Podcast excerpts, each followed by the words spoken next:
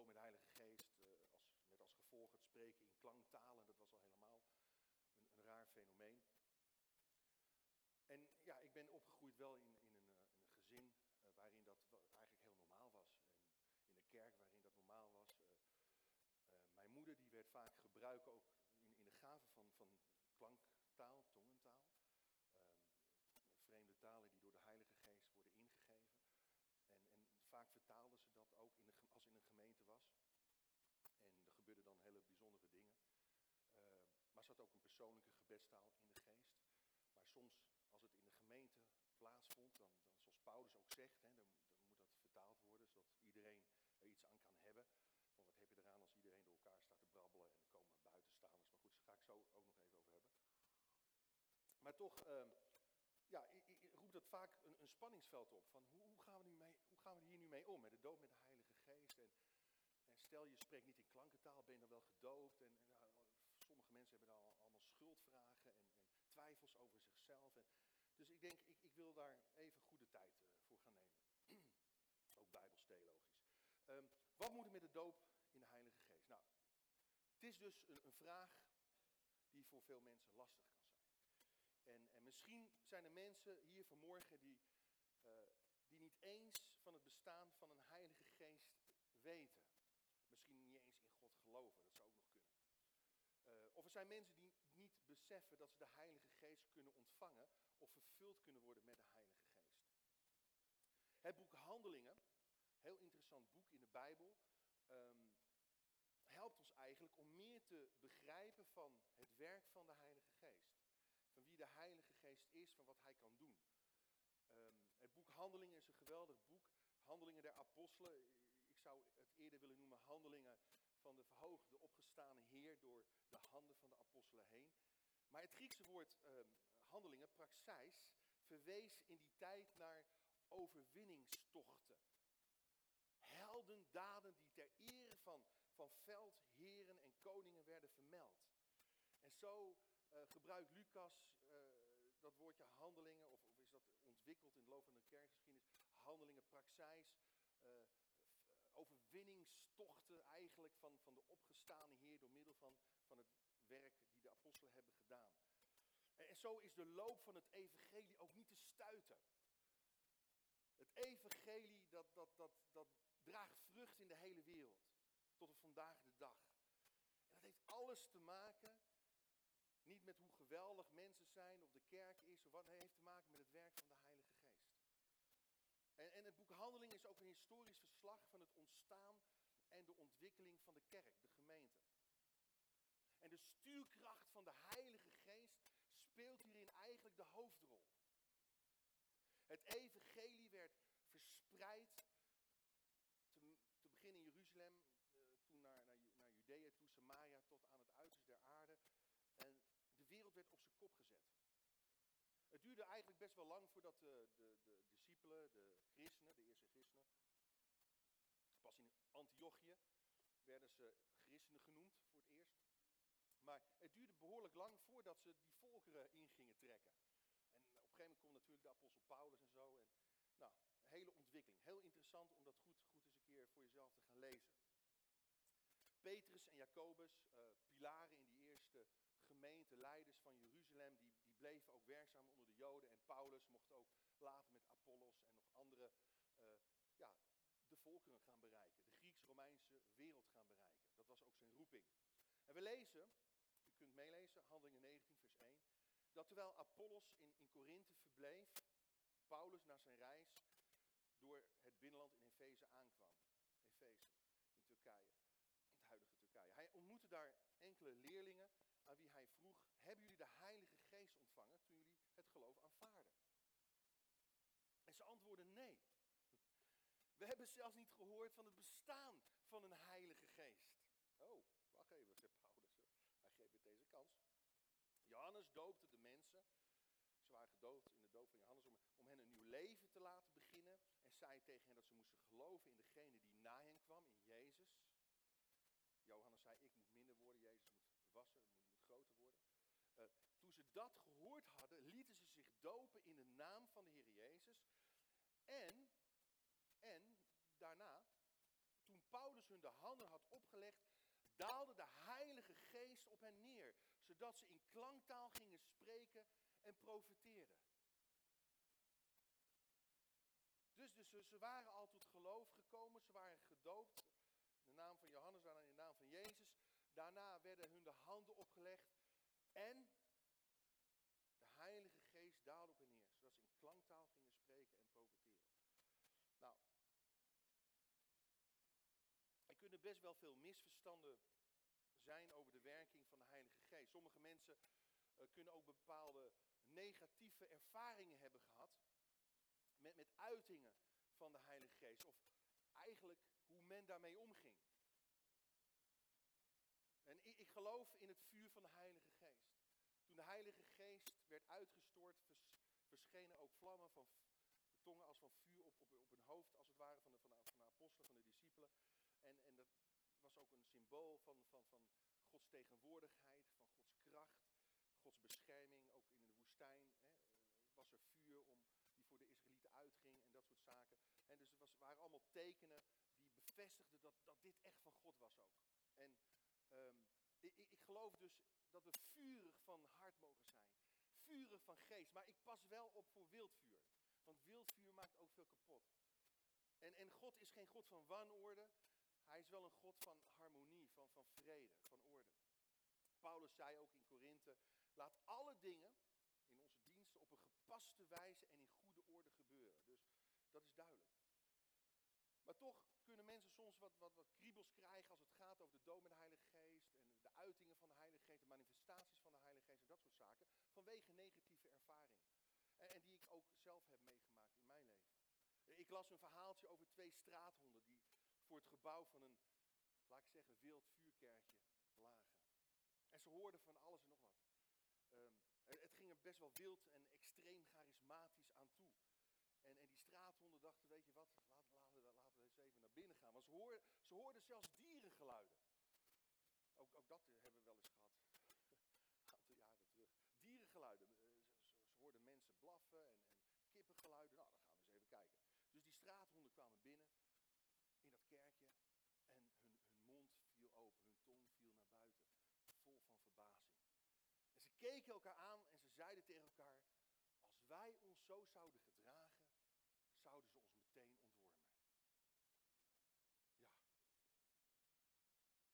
niet echt charismatisch, dat was charismanisch. Nou, charismanisch, daar passen we voor op. Ik, ik, weet niet of je wel eens in een dienst bent geweest waarin je met kromme tenen zat en blij was dat je niet een ongelovige vriend of collega had meegenomen.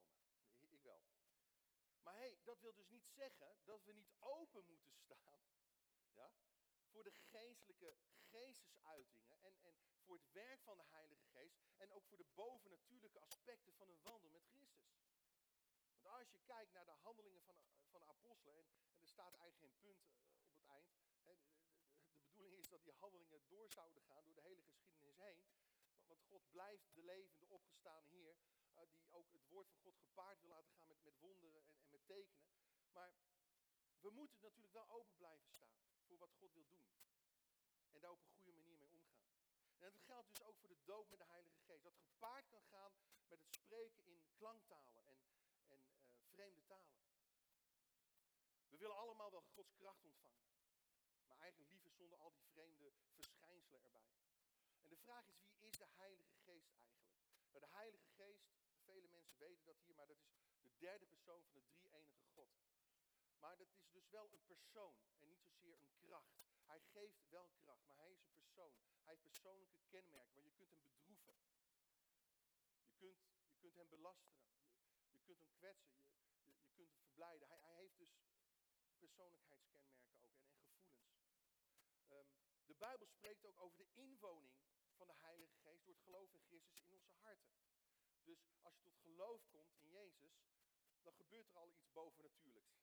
Want de Heilige Geest, die, die komt in je hart wonen. En dat is fantastisch. Je, je wordt een nieuwe schepping. Je, je, je wordt wedergeboren. Opnieuw geboren staat er in de Bijbel. En door die inwoning ontstaat er vernieuwing in je denken en overwinning over de macht van de zonde in je leven. Uh, Paulus zegt heel duidelijk ook in zijn brieven dat de Heilige Geest een onderpand is. Dat, dat betekent eigenlijk ehm, een eerste aanbetaling of wat komen gaat. Met andere woorden, de Heilige Geest verzekert ons ook nu al dat we Gods kinderen zijn. Dat we zijn eigendom zijn. Dat we veranderen naar het beeld van Christus, van heerlijkheid tot heerlijkheid. En, dat we zijn erfgenamen zijn. Waardoor we ook een nieuwe hemel en aarde verwachten. En we verwachten de verlossing van ons lichaam, van ons sterfelijk lichaam. We verwachten die, die, die, die dag dat we gelijk zullen zijn aan Hem. Waar geen dood meer zal zijn, geen, geen verdriet meer zal zijn, geen pijn, geen moeite meer zal zijn. Fantastisch. En, de Heilige Geest is ons onderpand. Verzekert ons van een glorieuze toekomst, lieve mensen. Maar de Bijbel spreekt ook over een doop met de Heilige Geest. Over de vervulling met de Heilige Geest. Waardoor we bekleed worden met kracht. Met kracht uit de hoge. De Heilige Geest in het Hebreeuws, ruach, is, is eigenlijk als de wind in de zeilen van ons leven. Het betekent letterlijk verfrissende wind levensadem. Als je in een zeilboot stapt, wat doe je dan liever? Roeien of zeilen? Nou, wie, wie, wie zeilt er wel eens? Ja, in Friesland had ik wat meer mensen verwacht die uh, wel eens zo'n bootje stappen. Niets is zo frustrerend als, als, als dat je moet roeien in een zeilboot, geloof me. Ja, als ik in een zeilboot stap, wil ik, wil ik zeilen. Ik wil overstag kunnen gaan. Ik wil, ik wil vaart kunnen maken. Oh, ik wil die wind horen ruisen. In die zeilen. En oh, wauw, dat is fantastisch. Een fantastisch gevoel. Roeien is, is op zich niet verkeerd. Maar een zeilboot is bestemd om te zeilen, niet om te roeien. En, en ik geloof dat zonder de vervulling met de Heilige Geest ons leven kan lijken op een roeiboot in plaats van een zeilboot, terwijl we bestemd zijn om een zeilboot te zijn. Zeilboot te varen en door het leven te gaan met Jezus. Uh, sommige mensen blijven ook geestelijk gezien roeien en roeien en roeien zonder te groeien. Hun leven met God kan misschien stroef aanvoelen. Maar wanneer ze de wind in de zeilen krijgen, de ruach van God, de Heilige Geest, wauw, dan gaan ze als een speer vooruit. Dopen. Dopen betekent eigenlijk niets anders dan uh, letterlijk ondergedompeld worden. Helemaal kopje ondergaan. Dus als je gedoofd wordt met de Heilige Geest, dan word je dus ondergedompeld in de Heilige Geest. Kopje onder, in de geest, in de volheid van God. Dat is wat het eigenlijk inhoudt. Wauw. En wie wil dat niet? Wie wil dat vanmorgen niet? Gedoofd worden met de Heilige Geest. Kopje ondergaan in de Heilige Geest. Weet je, er zijn eigenlijk, laten we daar even op inzoomen, drie dopen um, die voor je geestelijk leven bestemd zijn. Drie dopen in de Bijbel. Allereerst vult u in, lees je mee. Je wordt gedoopt in het lichaam van Christus. Dat is ook een doop. Je wordt gedoopt in het lichaam van Christus. Heel veel mensen beseffen dat niet als ze tot geloof komen. Of als ze een discipel van Jezus willen zijn. Je wordt gedoopt in het lichaam van Christus. En, en Galaten, hij, Paulus in de Galaten, hij zegt het zo. Want u allen die in Christus gedoopt bent, hebt zich met Christus bekleed. We worden dus met Christus bekleed, maar Christus bekleedt ons weer met zijn geest. Maar in ieder geval, door het geloof word je allereerst gedoopt in een persoonlijke relatie met Jezus. Je wordt met hem bekleed. En luister goed, je redding is iets relationeels. Niet alleen iets individueels. Ja? Het is iets relationeels, niet alleen iets individueels. Want als je gedoopt, of als je in het lichaam gedoopt wordt van Christus, dan betekent dat dat je gedoopt wordt in zijn gemeente, in zijn lichaam. Je staat theologisch gezien nooit los van de kerk. En jawel, christenen kunnen in dat opzicht dus niet als, als los zand aan elkaar hangen. Net zo min als ledematen zoals een hand, een voet of een oog los van het lichaam kan bestaan. Dat is eigenlijk, dat, dan, dat kan gewoon niet.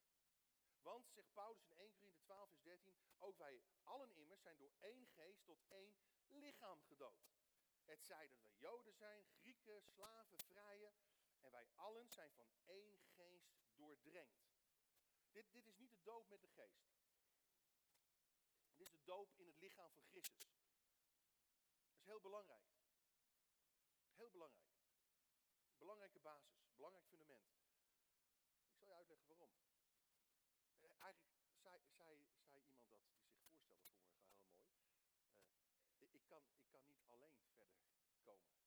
Ik, ik heb jullie daarvoor nodig. Dat is, dat is prachtig mooi gezegd, heel simpel, maar zo is het gewoon. Maar toen Saulus, later de apostel Paulus, de kerk vervolgde, openbaarde Jezus zich aan hem om hem één ding heel, goed duidelijk te maken. Het was niet zozeer de, de gemeente, de kerk die hij vervolgde, de kerk die hij wilde verwoesten en haar leiders. Het was Jezus zelf. Ja, je, je, kunt wel tegen de kerk aantrappen, je kunt de kerk uitschelden, je kunt de kerk in zijn algemeenheid bekritiseren, maar besef goed wat je doet. En het maakt niet uit welk labeltje er aan een kerk hangt. Of je nou Salvator heet, of Pelikaankerk, of wat dan ook, maakt, ma maakt niet uit kerk, protestants, maakt niet uit. Saulus, later Paulus, hij gooide christenen in de bak.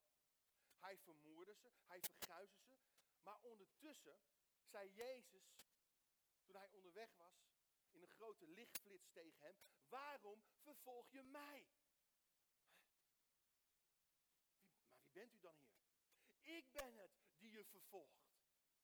Ik ben het waar je tegen aanschopt. Ik ben het die je pijn doet, die je kwetst. Dus je redding heeft nooit alleen betrekking op Christus, op de persoon van Christus. Het heeft altijd ook betrekking op zijn kerk, op zijn lichaam, op zijn gemeente.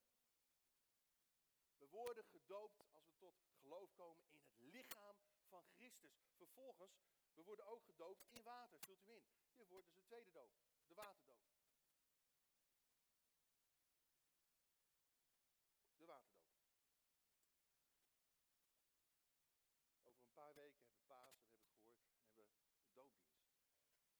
zou fantastisch zijn als iedereen hier die nog niet ondergedompeld is in water.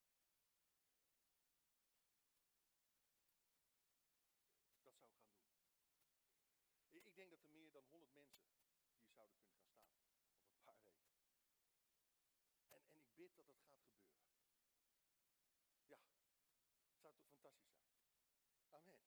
Maar Petrus zegt in Handelingen 2 vers 38. Petrus zei tegen, tegen de Joden Geest was uitgestort. Bekeer u. Ieder van u moet zich laten dopen in de naam van Jezus Christus tot vergeving van uw zonde. Dan zult u de gave, niet een of een van de, nee, de gave van de Heilige Geest ontvangen. En, en dit is eigenlijk de tweede stap in je geestelijke reis. Ook al is je keuze om Jezus aan te nemen, natuurlijk allereerst ook wel een persoonlijke keuze. God wil dat je die keuze openbaar maakt. Zoals een trouwring een bevestiging is dat je bij elkaar hoort. Mijn trouwring vertelt aan iedere andere vrouw, ik ben bezet, je kunt me niet krijgen. Ja, dat willen de meesten ook niet meer, maar gelukkig dat ik nog Angelique heb.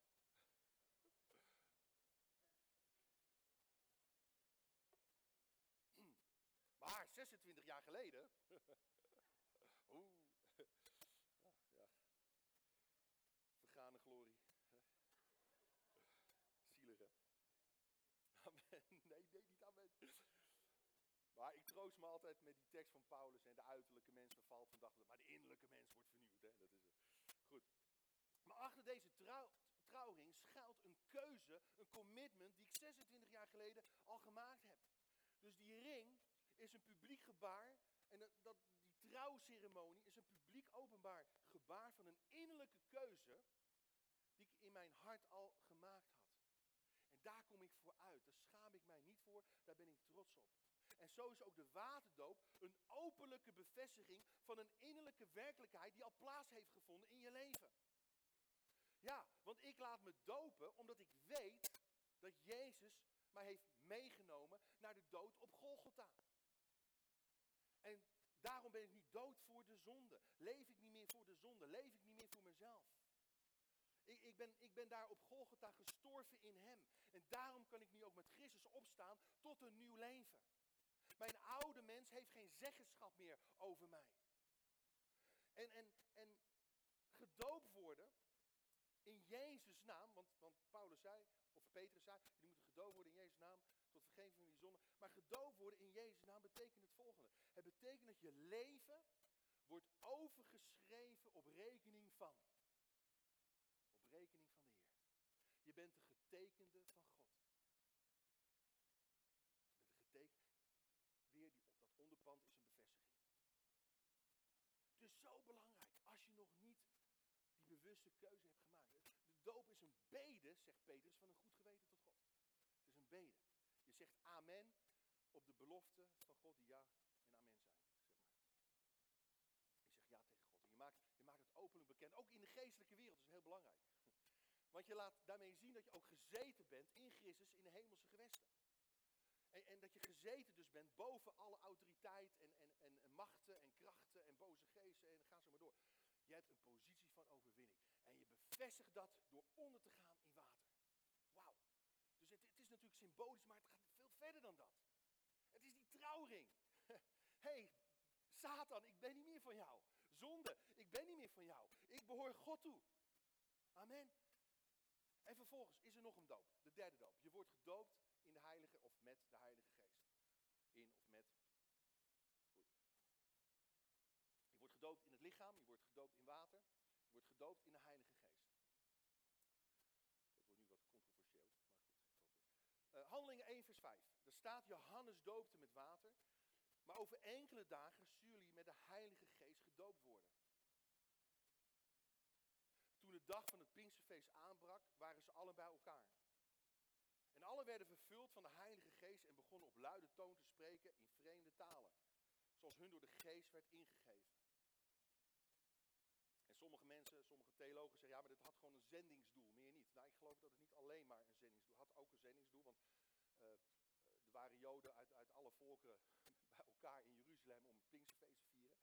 En ze hoorden inderdaad uh, hun eigen taal spreken over de grote daden van God. En hé, hey, hoe kan dat nou? Dat was een echt... Maar we zien die klankentaal weer terugkomen. En, en Paulus die onderwijst er ook over. Dat het ook een, een stichtelijke functie heeft voor, voor je eigen geloofsleven. Maar goed, en, en wij horen dus hen in onze eigen taal spreken over Gods grote daden. Nou, je kunt zelfs zingen in de geest, zingen, zingen in klanktaal. En, en ja, dat is een, taal die je zelf dus niet kent, die je zelf niet verstaat. Maar die God je wel kan ingeven. Zeker in de geestelijke strijd. Maar goed. Um, het Pinksterfeest. Oké, okay. Pinksteren, daar zit het woordje 50 penta in. Uh, dat, dat, dat begint 50 dagen na het begin van het paasfeest. En dat was een belangrijk feest. Als, als de nieuwe tarwe geoogst was, werden de eerstelingen, ook het principe van de eersteling, van de oogst naar de tempel, naar het huis van God gebracht. Dat is een mooi, mooi principe. De eerstelingen werden naar het huis van God gebracht. De eerste opbrengsten, et cetera, maar ook van, van, van, van de oogst. En, en, Pinksteren is zowel het feest van de, van de Torah, van de wetgeving op Sinaï, als wel het feest van de oogst. En juist op die dag gaat God zijn geest uitstorten over alle vlees. Zoals Joël ook profeteerde. En op verschillende momenten lezen we dat de geest viel over alle. Het woordje vallen wordt gebruikt. Alle vervulde, vervullen wordt gebruikt. Uh, kwam over alle. Allemaal synonieme begrippen. Die, die één en dezelfde ervaring eigenlijk beschrijven. En elke keer ging dat gepaard met name met de verschijning van klanktalen. En, en soms ook met profiteren. Wat wil dat zeggen? Ik geloof dat deze bijzondere ervaring volgt op de ervaring van de wedergeboorte. En meestal er niet mee samenvalt. Het kan wel. We lezen ook een incident dat, dat geloof, geloof in het huis van Cornelius, handelingen 10 of 11, dat op een gegeven moment uh, Petrus spreekt en de geest die, die valt gewoon over, over, de, over, over uh, Romeinen. En, en uh, het was voor het eerst dat ook de heidenen ook die gaven ontvingen. En ze kwamen tot geloof en meteen werden ze vervuld met de en begonnen in klanktalen te spreken, et. Dus soms kan het ook samenvallen, maar, maar meestal niet. Meestal niet. Ik wil hiermee niet zeggen, luister goed, dat wanneer je niet in klankentaal spreekt, dat je dan niet gedoopt bent. Dat je dan niet vervuld bent met de geest. Dat wil ik je niet mee zeggen. Maar ik geloof wel dat, dat klankentaal een, een duidelijk uiterlijk teken is. Eén van de tekenen. Er zijn ook wel meer tekenen. Want wat je ziet dat, dat als ze vervuld worden met de Heilige Geest, de discipelen met vrijmoedigheid naar buiten toe traden. En, en gingen getuigen van Jezus. Ik geloof dus wel dat we ons allemaal ernaar mogen uitstrekken, naar die vervulling met de Heilige Geest. En zelfs het spreken in klanktalen. Want, zegt Paulus, wie in talen spreekt, bouwt aan zichzelf. Die sticht zichzelf op. Nou, wie wil dat niet? We hebben dat nodig. Als, als, als de eerste kerk dat nodig had, hebben wij dat ook nodig. En Paulus zei ook in Korinthe, ik zou willen dat u allen in klanktaal kon spreken. Maar de vraag is hoe we omgaan met klanktaal in de gemeente. En dan zegt hij, zoek je jezelf of zoek je de ander? Zoek je, zoek je ernaar om jezelf te profileren of, of de ander op te bouwen? En dan zegt hij, ja, dan, dan in de gemeente, dan spreek ik liever uh, een boodschap naar de mensen toe. Zodat mensen het kunnen verstaan en begrijpen. Luister goed, hij geeft ook een richtlijn. In, in 1 Corinthië 14, vers 23, kun je thuis nalezen. Hij zei, eigenlijk zei hij, als, als ook nog onze diensten zoals wij hier nu hebben, een openbaar karakter hebben, dan is fijngevoeligheid de richtlijn. Hoe gaan we om met de gaven van de Heilige Geest? Kijk, hebben we een acoustic worship night. En, en dat is meer een avond waarbij je echt uitsluitend met gelovigen bij elkaar komt. Of, of een bidstondavond. En er wordt in, in klankentaal, in tongentaal gebeden en gezongen. No problem zou ik zeggen. Maar eh, waar, die, die een openbaar karakter hebben, waar, waar, waar mensen binnen kunnen lopen die niet geloven of zoekende zijn. Hé, hey, wacht even, pas even op hoe, hoe je dan overkomt. Hè? Wat voor indruk die mensen zullen krijgen. Want hij zegt in 1 Korinthe 14 vers 23, uh, wat zal er dus gebeuren als buitenstaanders of ongelovigen binnenkomen, terwijl heel de gemeente bijeen is en alle tegelijk in taal spreken? Zullen zij niet zeggen dat u gek bent? Van lotje getikt? Zoiets? Dat u, dat u dwaas bent. Zullen ze niet zeggen van jongens, die luisteren hartstikke gek. Nou, dat, dat wil je dus niet hebben, zegt hij. Dat wil je dus niet hebben. Maar goed, ik, ik, wil jullie wel iets laten zien. We lezen in het evangelie dat de Heilige Geest eigenlijk in het leven van de discipelen al ontvangen was. De discipelen hadden de Heilige Geest al ontvangen voordat ze gedoopt werden met de Heilige Geest. Is dat niet apart? Dat klinkt een beetje paradoxaal. Maar ik zal het uitleggen. Want na de opstalling van Jezus, nadat Jezus zijn werk had volbracht, het voorhangsel was gescheurd, dus, dus het moment van het nieuwe verbond was ingetreden, zei Jezus het volgende. Handeling van Johannes, hoofdstuk 20, vers 21. Hij verscheen aan zijn discipelen die bang waren, teruggetrokken, angstig, in een huis, uit angst dat zij ook zouden de. En, en hij zei, vrede. Zoals de Vader mij gezonden heeft, zo zend ik jullie. En na deze woorden blies hij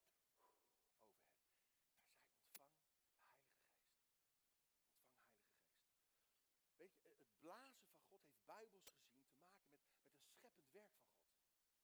In Genesis 2, vers 7, toen God de mens formeerde van stof uit de aardbodem, blies God de levensadem in de neus van de mens. En zo werd de mens een levende ziel. En ook op deze manier blaast Jezus over zijn leerlingen en zei, ontvang de Heilige Geest na zijn opstanding, na het volbrachte werk aan het kruis. En daarmee geloof ik dat ze al een nieuwe schepping in Christus uh, werd, dat ze niet meer onder het oude verbond vielen. De geest was in hen gekomen, maar luister, nog niet over hen. Ze waren misschien wel vol van de geest, maar nog niet vervuld met de geest. Ik weet niet of u het kan zien, maar deze fase symboliseert ons leven. En ik, ik denk dat mensen die helemaal daar achter op, in, op het balkon zitten, het helemaal niet kunnen zien. Maar misschien hier dichtbij wel. Er zit water in deze vaas. En ik geloof dat heel, heel veel mensen, die, die kunnen God al ontvangen hebben. Die kunnen de Heilige Geest al ontvangen hebben. En dat is prachtig, dat is mooi, dat is geweldig. Ze zijn een kind van God. Maar ik geloof dat God verder wil gaan. Waarom is die doop nodig? Waarom hebben wij de vervulling met de Heilige Ons leven kan, ook al zijn we tot geloof gekomen, kan nog vol zijn met allemaal, allemaal zaken, issues, dingen die, die eigenlijk niet in thuis horen.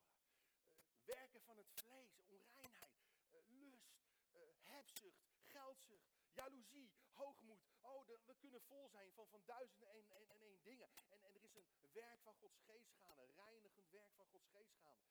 Oh, maar die dood met de Heilige Geest, joh, dat is zo fijn, dat is zo fantastisch, dat hebben we zo nodig. Waarom hebben we dat nodig?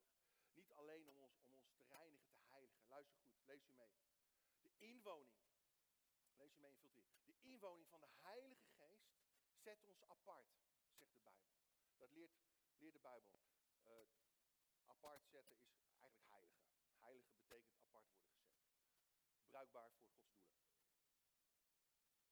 Dat doet de inwoning. Maar vervolgens de de Heilige Geest rust ons toe, maakt ons bekwaam om onze missie op aarde uit te voeren. Dat is een heel belangrijk onderscheid. Een wezenlijk onderscheid. Luister goed, de doop in de geest heeft geen eeuwig doel, maar een aards doel. Om ons uit te zenden. Ik zend u uit zoals de Vader mij heeft uitgezonden. En, en het heeft dus niet met onze hemelse redding te maken, maar met onze aardse missie. Amen. En zonder de vervulling van de Heilige Geest kunnen wij niet veel. We hebben een zendingszondag gehad vorige week. Maar zonder de vervulling, zonder de dood met de Heilige Geest, wat kunnen wij doen? Het koninkrijk van God bestaat niet uit woorden en uit eten, maar uit kracht. En we hebben kracht nodig, we hebben dynamis nodig. Kijk naar Petrus. Tussen de verlogening van Petrus, daar op dat plein, toen een dienstmeisje hem vroeg, ken jij Jezus ook? En Jezus was gevangen genomen en Jezus zou ter dood worden veroordeeld. Zei, oh nee, die ken ik niet, die ken ik niet. En tussen dat moment en het moment dat hij op die, die Pinksterdag vol kracht en overtuiging voor 3000 mannen een toespraak houdt, is er maar één event die deze verandering kan verklaren. Dat is de dood met de Heilige Geest. Dat is de dood met de Heilige Geest. Ik, ik wil gaan, gaan afsluiten met een paar korte mee, meenemers. Hoeveel tijd heb ik nog? Heeft u nog even? Ik ben nog niet, ben nog niet klaar. Maar ik heb beloofd niet te lang te preken. Hele uitdaging.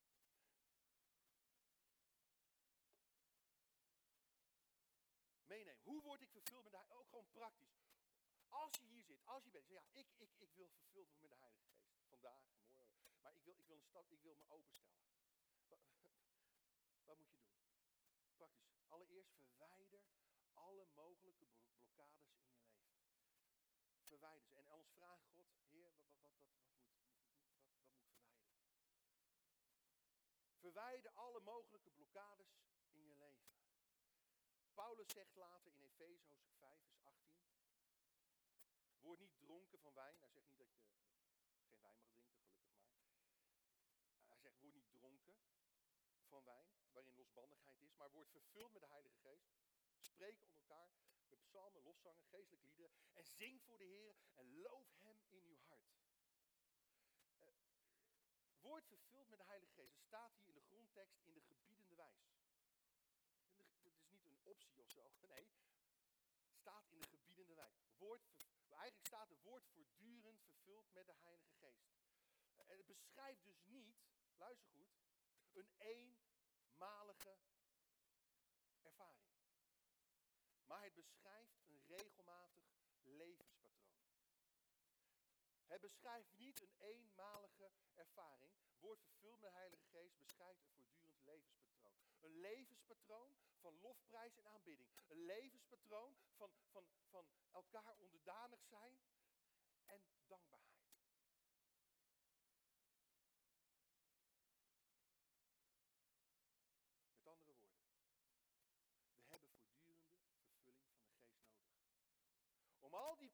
Pingpongballen die in onze vaas zijn gestopt, eruit te kunnen halen. Ja. En om ons vol te maken met zijn kracht. Om een getuige van hem te kunnen zijn. Weet je, tegenover een leven, ook in de context van Efeze 5, tegenover een leven die zich laat beheersen door misschien wel verdovende middelen, morele onreinheid, vuile, gore taal, hebzucht en eerzucht, wordt een geestvervuld leven uitgebeeld. Spreek onder elkaar met psalmen, lofzang. Oh, wees elkaar onderdanig. Wees dankbaar. Loof God in je hart. Loof Jezus in je hart. Word vervuld. Weet je, om Gods doorbraken mogelijk te maken, moeten soms barrières worden weggehaald. De vraag is welke barrière staat jou in de weg voor een doorbraak van Gods geest? Wat, wat moet jij opruimen? Ja, Gods geest kan al in ons zijn. God, God wil, wil zijn geest uit, uitgieten. Kijk, weet je, het kost, kost niet veel moeite, hè? Ik hoef eigenlijk, ja, laat ik even zeggen dat ik God ben. God hoeft alleen maar water uit te gieten. hey, bitterheid, moeite, lust, boosheid, haat, oneenigheid. Weg ermee. Hup. Oh, word vervuld met de Heilige Geest, lieve mensen. Word voortdurend vervuld. Word voortdurend vervuld. Oh, niet één keer, maar elke dag opnieuw. Word vervuld met mijn geest. Oh, kijk. Hopla.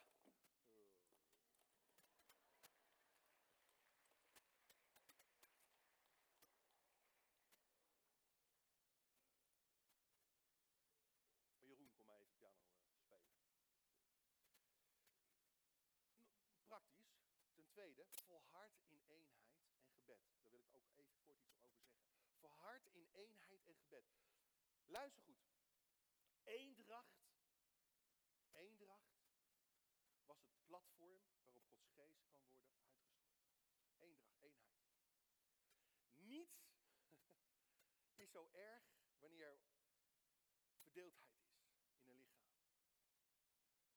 Ik kan het hier niet uitbeelden. Ik had eerst een, mooie fase met een kraantje, maar die ballen die er niet uit toen het water. Dus. Maar in is, als je hier een kraantje even denkbeeldig neerzet, een kraantje, je doet die open, dan lekt het water eruit. Verdeeldheid is funest. Voor je eigen persoonlijk leven. En ook voor ons leven als gemeente. En we hebben een geweldige visie, een geweldige missie. Maar als er geen eenheid is, jongens, dan, dan kunnen we niet verder. Volhard in eenheid en gebed. Eendracht is het platform. En, en eendracht kon pas plaatsvinden na het kruis.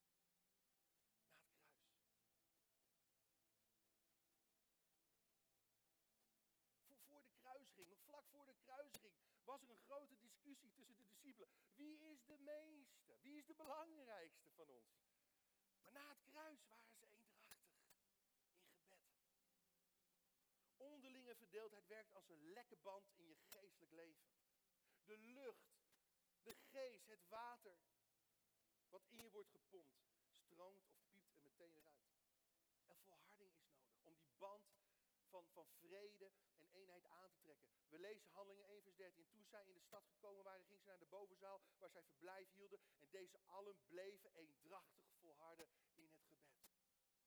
En dan ten derde, hoe word ik vervuld met de Heilige Geest? Vult u in. Verlang in geloof naar alles wat God je wil geven. Verlang naar alles wat God je wil geven. Jezus zei dit. Als u die slecht bent, uw kinderen dus goede gaven weet te geven. Hoeveel te meer zal de Hemelse Vader de Heilige Geest geven aan hem die tot hem bidden. Alles wat God voor jou in petto heeft, ja ja, alles is goed wat hij in petto heeft. Ook al, al denk je, nou dat is, raar, dat is vreemd, eh, klankentaal en hoe, help en weet. Weet je, angst, angst houdt ons verlangen vaak tegen.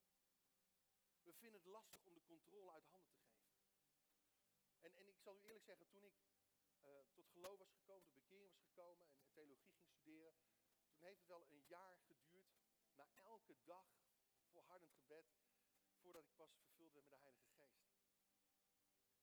En, en het begon eigenlijk, op een gegeven moment had iemand een beeld tijdens een bissond over mij. En die zag mij als Ezekiel in, in die beek staan. Ik weet niet of je dat verhaal kent. Ik geloof Ezekiel 47. Maar goed, Ezekiel stond in het water en het water steeg op tot zijn enkels, tot, tot zijn knieën, toen tot zijn dijen. En op een gegeven moment zwom hij erin. Zo is dat bij mij ook gegaan, procesmatig. En op een gegeven moment begon er, vanzelf klanktalen te komen. Ik dacht eerst van, wat is dat, wat een joh. Ik bestrafte het zelfs, dat is van de duivel zo. Nee, maar er staat hier, als je verlangt en als je vraagt, en als je God vraagt om de Heilige Geest of om de vervulling, dan gaat Hij jou dat geven. Waarom niet? Alles wat Hij heeft voor jou is goed. En weet je, als je dan wordt met de Heilige Geest en en door geleid door de Heilige Geest, dingen veranderen in je leven, in je omgeving. En je ziet, als je gaat bidden, er gebeuren geweldige dingen door, jou, door jouw handen heen, om zo maar te zeggen. Ga dan niet naast je schoenen lopen. En dat is vaak het probleem ook hè, in, in, in onze kringen geweest. Dat we ook evangelische of pinkse christenen, die voelden zich dan weer verheven ten opzichte van, van gelovigen of, of mensen uit andere kerken die dan niet die ervaring hadden, weet je. Dat is fout. Dat is helemaal niet de bedoeling. Want lees u mee, gedoopt worden met de geest maakt mij niet beter dan jou. Het maakt me beter dan mezelf. Het maakt mij niet beter dan jou. Het maakt mij beter dan mezelf. hey, welke pingpongballen vullen jouw leven op? Is het angst? Is het schaamte? Is het onreinheid? Is het nijd? Is het, is het eerzucht, haat? Weet je, als ik vervuld blijf worden, kunnen die pingpongballen geen vat meer krijgen in mijn leven. Ze kunnen niet in die blijven, blijven rondzwemmen. Ja, weet je, dat is een reden dat we voortdurend vervuld moeten blijven worden. Want hey, de duivel kan, kan, kan komen met leugens. Hè, en die probeert leugens in jouw leven te stoppen. En, en, en ik weet niet wat allemaal. En, en twijfels en, en, en gedachten van onheil en minderwaardigheid. En, en hij, hij probeert van alles. ik krijg het niet naar beneden. Het, het blijft niet kleven. Het krijgt geen vat meer in mijn leven. En, en, en zeker niet als, als, als, als God mij blijft vullen. Want ja, dan op, we gaan die leugens er weer uit, hè. Hup, hup, doe maar, doe maar, doe maar, doe maar, doe maar, doe maar, doe maar, Zo.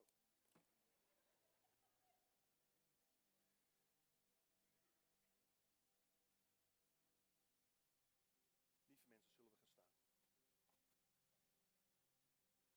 Hoe laat is het eigenlijk? Tino. Wat gaan we doen?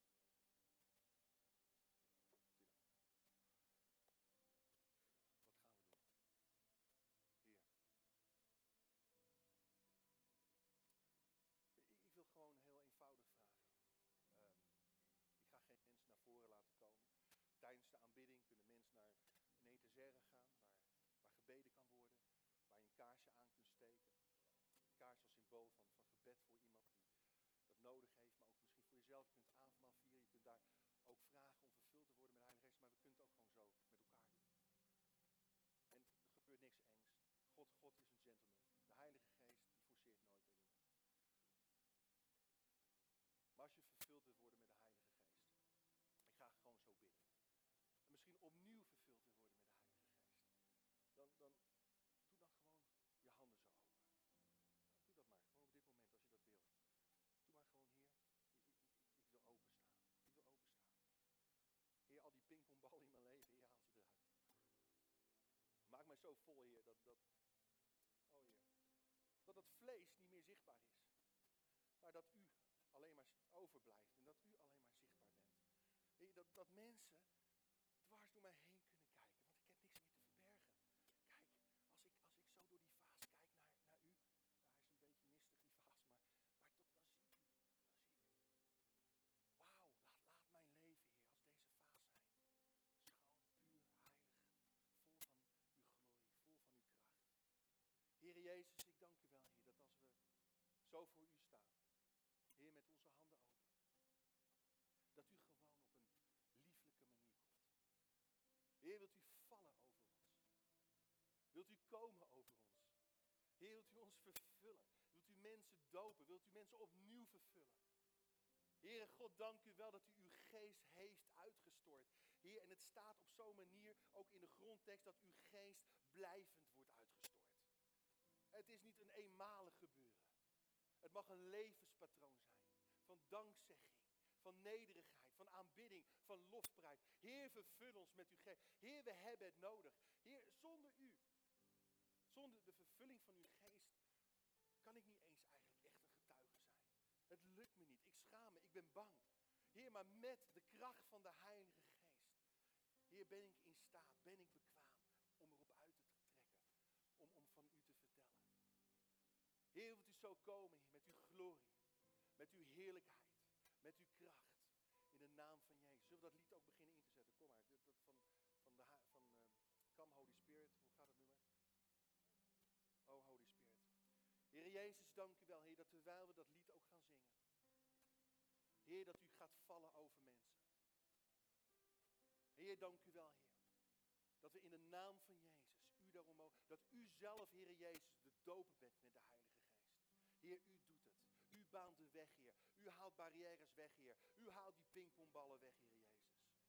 Heer, zo zegen ik een ieder, een ieder die ontvankelijk